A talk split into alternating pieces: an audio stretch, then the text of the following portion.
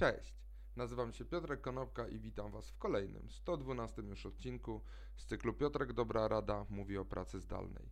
Dzisiaj powiem kilka słów na temat tego, co niektóry, niektórzy określają mianem mikromenedżera. Czy w ogóle stałeś się mikromenedżerem? Okazuje się, że zwiększenie ilości oprogramowań szpiegujących pokazuje, że z zaufaniem jest słabo. Niektóre firmy sprzedające takie oprogramowania, które na przykład śledzą ruchy myszki czy robią zrzuty ekranu, odnotowały wzrosty sprzedaży ponad 300%. Nawet jeżeli miałeś pojęcie, co to jest mikrozarządzanie i miałeś poczucie, że jako menedżer dajesz sobie radę i nie jesteś takim mikromenedżerem, to najczęściej było to związane z tym, że widziałeś swoich pracowników. Natomiast praca zdalna bardzo zmieniła tą sytuację i mikrozarządzanie objawiło się w tej pracy zdalnej bardzo mocno. Co to w ogóle jest to mikrozarządzanie? Jest to sytuacja, gdy szefowie próbują wymusić nadmierną kontrolę nad swoimi pracownikami. Mogą stać za tym dobre chęci, jednak jest to bardzo mocno szkodliwe. W książce Harry'ego Chambersa jest takie badanie, z którego wynika, że 85% osób poddanych właśnie procesowi mikrozarządzania stwierdziło, że ich morale uległo pogorszeniu. W dłuższym czasie w ogóle obniżenie morale czy obniżenie samopoczucia związanego z pracą zdecydowanie obniża produktywność i zwiększa rotację. Co ma wszystko to wspólnego z pracą zdalną?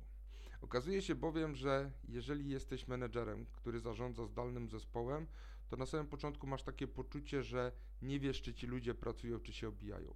Jednakże e, nadmierna kontrola z, z drakońskimi regułami, na przykład takimi jak wyślij maila w odpowiedzi na mojego maila pingującego w ciągu 3 minut, bo jak nie, to coś, to taka kontrola nie przynosi oczekiwanych rezultatów.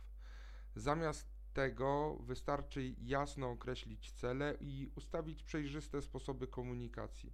Ale jeżeli to zrobisz, to pamiętaj, żeby nadal tych ludzi nie pingować. Jak można w ogóle sprawdzić, kiedy jesteś mikromenedżerem?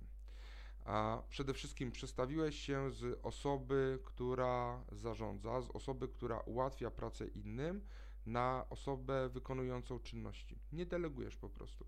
Jest badanie, które znajdziecie w e, linku pod y, filmem na dole, y, przeprowadzone przez Harvard Business Review, co tak naprawdę menedżerowie myślą, mówiąc niektóre zdania odnośnie właśnie delegowania.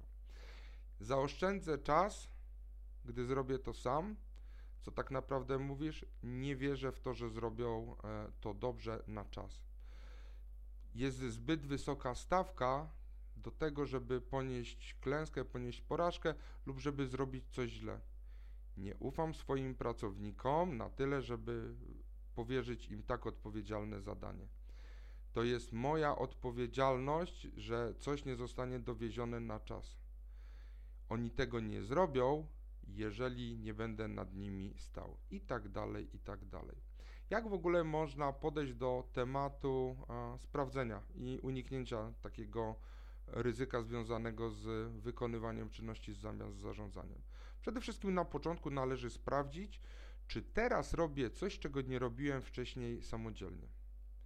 Jeżeli takie czynności znajdują się na Twojej liście, warto ocenić, które z tych czynności można oddać ludziom zamiast robić samemu i jako trzeci krok w tym cyklu po prostu zaufaj ludziom, że będą wykonywali swoją pracę, ponieważ za nią dostają pieniądze.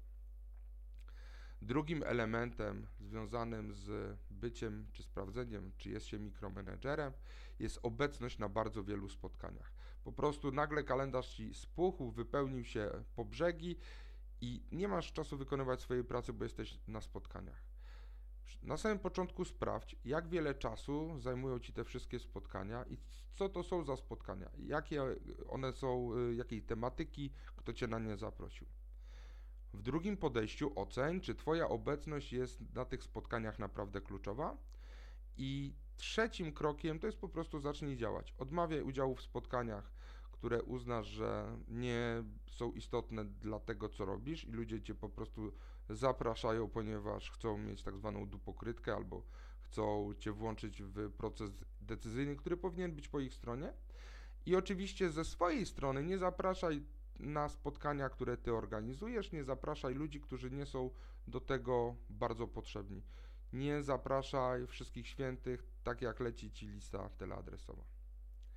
Trzecim elementem związanym ze sprawdzeniem tego, czy jesteś mikromanagerem, jest poczucie, że nie kontrolujesz niczego przez cały czas.